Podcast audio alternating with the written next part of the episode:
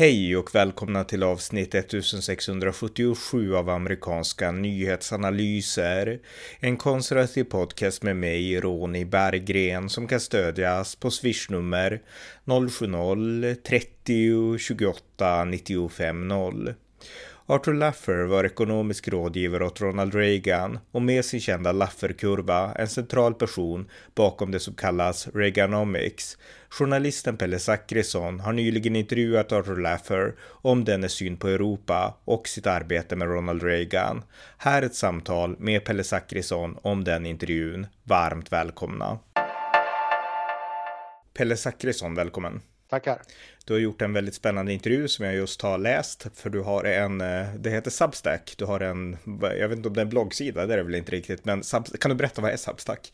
Ja, men Substack, det är väl en, man kan säga det är en, ett publiceringsverktyg, ungefär som eh, en, en plattform där bland annat eh, Jens Galman, Ivar Arpi, Caroline Dahlman, lite olika skribenter publicerar sig.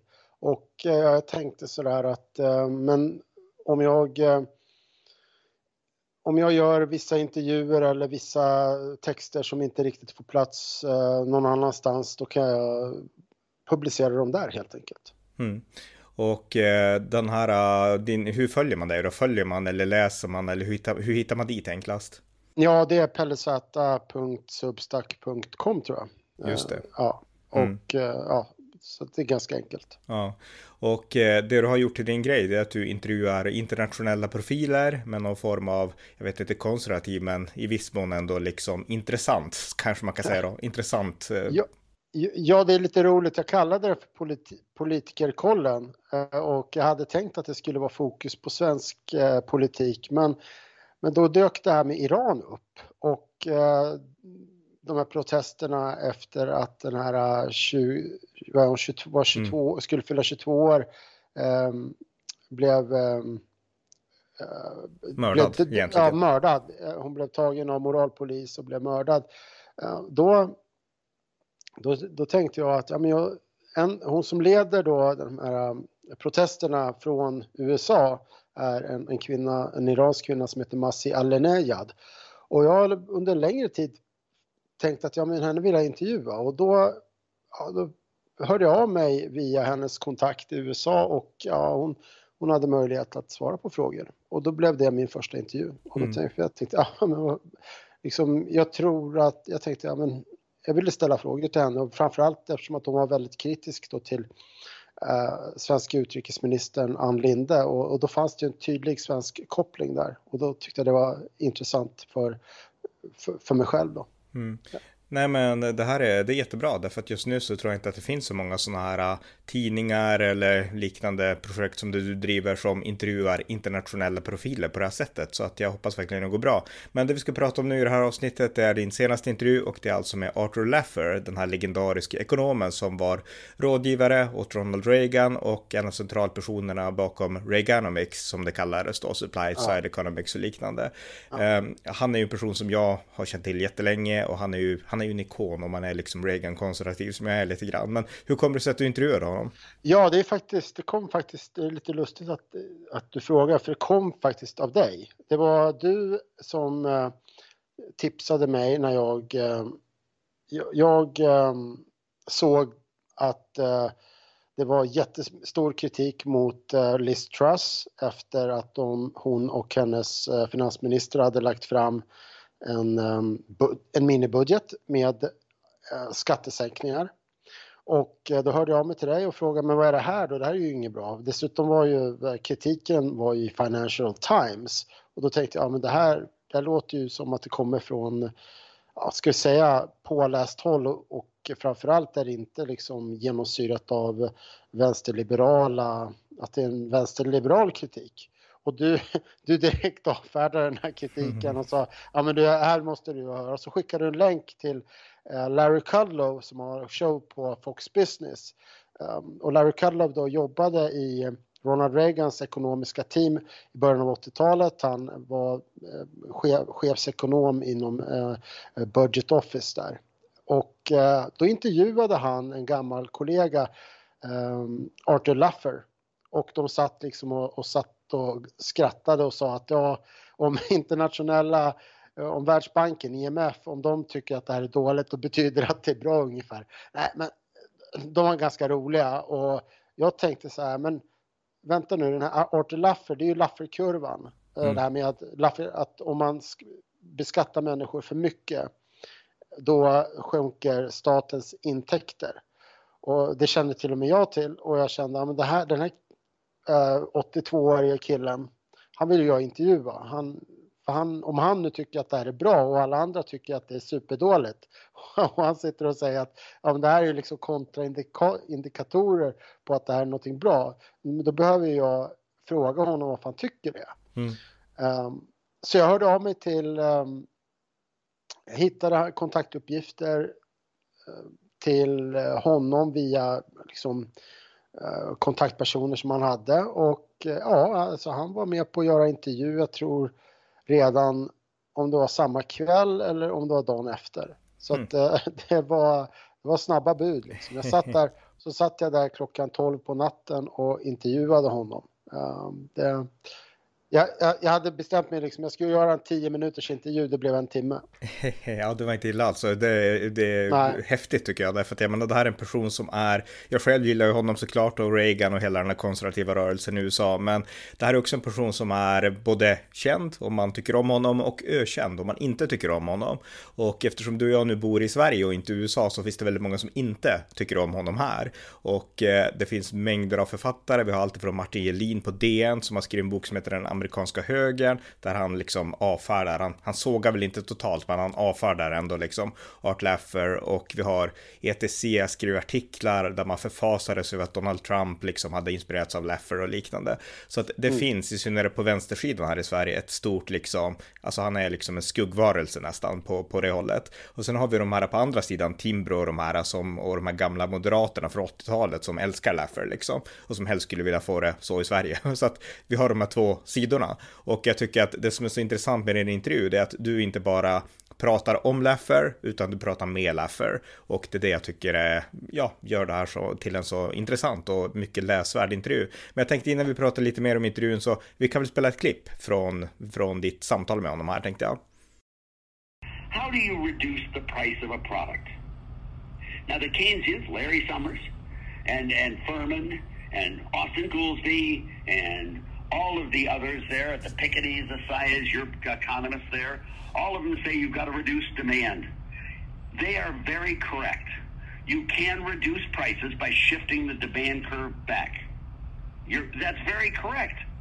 But that causes a reduction in output and a fall in price. The much better way to do it, and the way we did it with Reagan, was increase supply. If you have a bumper crop in apples, a big surge in the number of apples produced, what will happen to the price of apples? It will go down. So the two ways of bringing down prices is one, crushing demand, and the other way is to increasing supply. Which would you rather have for your country? A crushed demand so people suffer horribly with loss of incomes, loss of so that they demand less and live poorly and to get lower prices, or would you rather have it by growing more rapidly, having a bigger supply of goods and services, which is exactly what we did in 1981 when we came into power. We cut tax rates, we increased the output of goods and services dramatically, and inflation went down like a stone. And we created prosperity like mad. And I worked with Reagan for all those years, starting in 66 when he became governor on. And uh, he was perhaps the nicest gentleman you have ever seen in your life. I have never seen him angry or yelling at people doing any of that. He was always trying to do the right thing and learning. He perhaps learned more than any other person I've ever seen, and he did it by writing notes out. But uh, he was always gracious and kind in all sorts of circumstances, some of which were very nasty. But Reagan never re- responded in kind. And if you look at Joe Biden, he's angry all the time. He hates this group. He hates MAGA people. What's to hate about MAGA people? Så det var ett litet klipp från ditt samtal med honom och han beskrev ju Reagan som en väldigt sympatisk person tyckte jag det var. Ja, verkligen. Det, han, det framkom flera gånger under samtalet hur han eh, uppskattade Reagan och här så pratar han om, om just hur Reagan var en, just den här ödmjuka framtoningen som Reagan hade. Mm. Jag tänkte också, alltså det ni pratade lite mer ingående om då, det är ju det han är mest känd för och det du, det du också kände till då, Lafferkurvan. Alltså kan du beskriva bara lite kort vad, vad Lafferkurvan i grunden går ut på? Ja, men helt kort så kan man säga att Lafferkurvan går ut på att om du beskattar människor 100% om du tar 100% av deras pengar, eh, Eh, då kommer ingen att jobba för de har inget incitament för att jobba. Och eh, så då är du noll i skatteintäkter även fast du har, tar 100% av, du har en skattesats som är 100% Så då blir det noll kronor till staten. På samma sätt är det att om, om du har noll i skattesats, alltså skatten är 0 %, eh, ja, folk kommer ju jobba jättemycket för att då får de ju behålla allting. Men procent av eh, 0 av jättemycket är fortfarande ingenting. Så då innebär det fortfarande att staten inte får någonting. Så om du då eh, om du då börjar med att sänka, om du sänker från 100% till 99% till 98% till 97% och så vidare och så vidare och drar ner det där, då kommer folk att börja jobba och känna ett ökat incitament för att jobba. På samma sätt då, om du höjer eh, procentantalet eh, skatten från 0 till 1, 2, 3 och så vidare uppåt så kommer du öka skatteintäkterna och då någonstans däremellan så finns det en optimal punkt där du får ett ut, skatteuttag som är alltså skatteintäkter till staten som är maximerade. Mm. Och i det, ja, bara ska säga det, i det läget om du då höjer skatten mer, då finns det ju de som säger ja, men vi, nu ska vi höja skatterna. Då enligt Laffers teori och Lafferkurvan så kommer inte det leda till att staten får in mer pengar. Nej. Så att man måste hitta den optimala liksom punkten ja, för ja, liksom skattesats. Det, i, i, sam, ja, I samtalet med Laffer så säger han också att en sak som då vänsterekonomer och ja, keynesianer och även andra ekonomer glömmer bort det är att en viktig faktor det är att om du höjer skatten då leder det till att människor ökar skatteplanering, skatteplanering och även skattefuskande. Så att även det är ett, ett skäl till att ha så låg skattesats som möjligt med så bred skattebas som möjligt. Mm. Och, och drar man linjerna, alltså kontrasten här väldigt tydligt, då kan man jämföra med hur det var i liksom Sovjetunionen, alltså när det var liksom, eh, ja, jättehöga skatter och det var egentligen, eller det var snarare så att det var jämlik lön, alla fick lika mycket lön oavsett arbete, såvida du inte arbetade för partiet, då kunde du vara rik, liksom kommunistpartiet. Och det gjorde ju att incitamenten att arbeta blev obefintliga, så att inget jobb gjordes, därför att det fanns inga incitament att arbeta, du fick in, ingen extra lön om du arbetade hårt och du liksom förlorade inte lön om du var lat liksom. Så att eh, på så vis vart Sovjetunionen väldigt byråkratisk. Så att det behövs frihet, alltså höga skatter, det här är ju ett extremt exempel, men höga skatter gör att det blir liksom mindre incitament att arbeta. Så att jag håller helt med honom i, i den analysen då. Sen tycker jag också att det är intressant att ni pratar lite grann om, alltså ni utgår från Storbritannien, det var ju det som du berättade om var liksom, ja, ingångs, kör, inkörsporten för samtalet. Mm, ja. ja, men det jag ska säga det är ju att eh, Kwarteng då, Kwasi Kwarteng som är finansministern som som eh, han hyllar um, Art La Arthur Laffer, eller Art Laffer, hyllar ju Kwasi Kwarteng, finansministern. I Storbritannien. I Storbritannien, precis.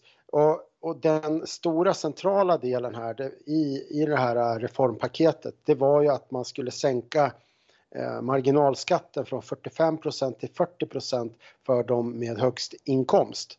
Och det skulle, det menar Laffer, det leder till, alltså det leder till ökad, ehm, det ökar incitamenten för ehm, just för det här. Det leder till ökade incitament helt enkelt för arbete. Mm. Och, och då, alltså han från vänster, vänstersidan och även från Michael Gove, från olika kritiker så säger de att det här är, det ger dåliga signaler. Men, men Laffer, Laffers motargument är att det går att tycka och ha åsikter och känslor om saker. Men man kan aldrig liksom ha olika fakta. Han, han hävdar ju då att all fakta tyder på att eh, hade man sänkt marginalskatten då hade det lett till ökad tillväxt, vilket är målet med hela det här eh, åtgärdspaketet. Mm, och vi kan säga då att, eller påpeka då att eh, Liz Truss har backat från just den här skatten. Alltså just den här skattesänkningen har hon backat ifrån då på grund av påtryckningar från, ja, dels från vänstern då, men även från vissa på mm. högerkanten då som Michael gav.